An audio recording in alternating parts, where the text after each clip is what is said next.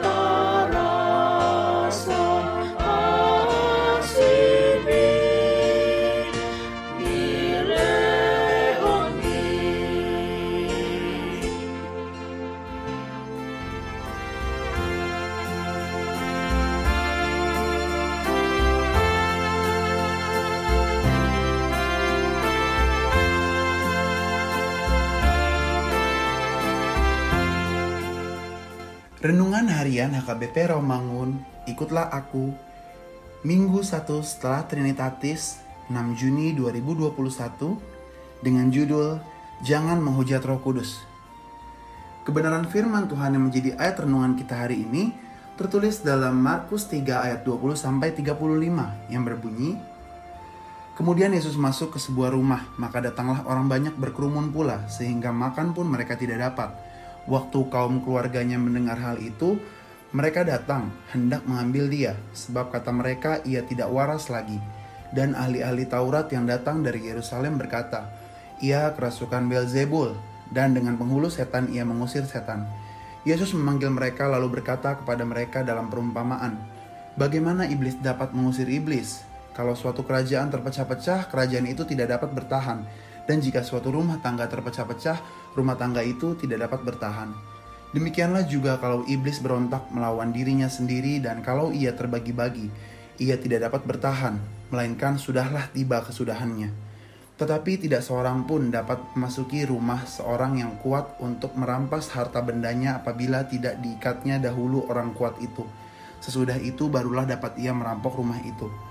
Aku berkata kepadamu, sesungguhnya semua dosa dan hujat anak-anak manusia akan diampuni. Ya, semua hujat yang mereka ucapkan. Tetapi apabila seorang menghujat roh kudus, ia tidak dapat ampun selama-lamanya. Melainkan bersalah karena berbuat dosa kekal. Ia berkata demikian karena mereka katakan bahwa ia kerasukan roh jahat. Lalu datanglah ibu dan saudara-saudara Yesus. Sementara mereka berdiri di luar, mereka menyuruh orang memanggil dia. Ada orang banyak duduk mengelilingi dia. Mereka berkata kepadanya, "Lihat, ibu dan saudara-saudaramu ada di luar dan berusaha menemui engkau." Jawab Yesus kepada mereka, "Siapa ibuku dan siapa saudara-saudaraku?" Ia melihat kepada orang-orang yang duduk di sekelilingnya itu dan berkata, "Ini ibuku dan saudara-saudaraku. Barang siapa melakukan kehendak Allah, dialah saudaraku laki-laki, dialah saudaraku perempuan, dialah ibuku." Demikian firman Tuhan. Dewasa ini alam terkadang menjadi ancaman bagi manusia. Sebaliknya, manusia juga menjadi ancaman terhadap alam. Dengan cara mengeksploitasi alam secara keserakahan, keserakahan manusia telah merusak dan mengakibatkan kerugian terhadap alam. Karena itu, sebagai orang percaya, kita perlu menyadari bahwa alam merupakan karya Allah dan perwujudan kuasa Allah yang perlu kita pelihara dan jaga karena alam itu sendiri merupakan bukti dari eksistensi Allah yang maha mulia dan kekal. Pada minggu ini kita telah memasuki Minggu Trinitatis, yang artinya ketritunggalan Allah. Gereja KBP mengimani bahwa Trinitas juga merupakan dasar bagi keadilan sosial, yang berarti Allah menciptakan keadilan, memelihara keadilan, dan memerintah dengan keadilan. Lalu apa hubungannya dengan alam dan penciptaan?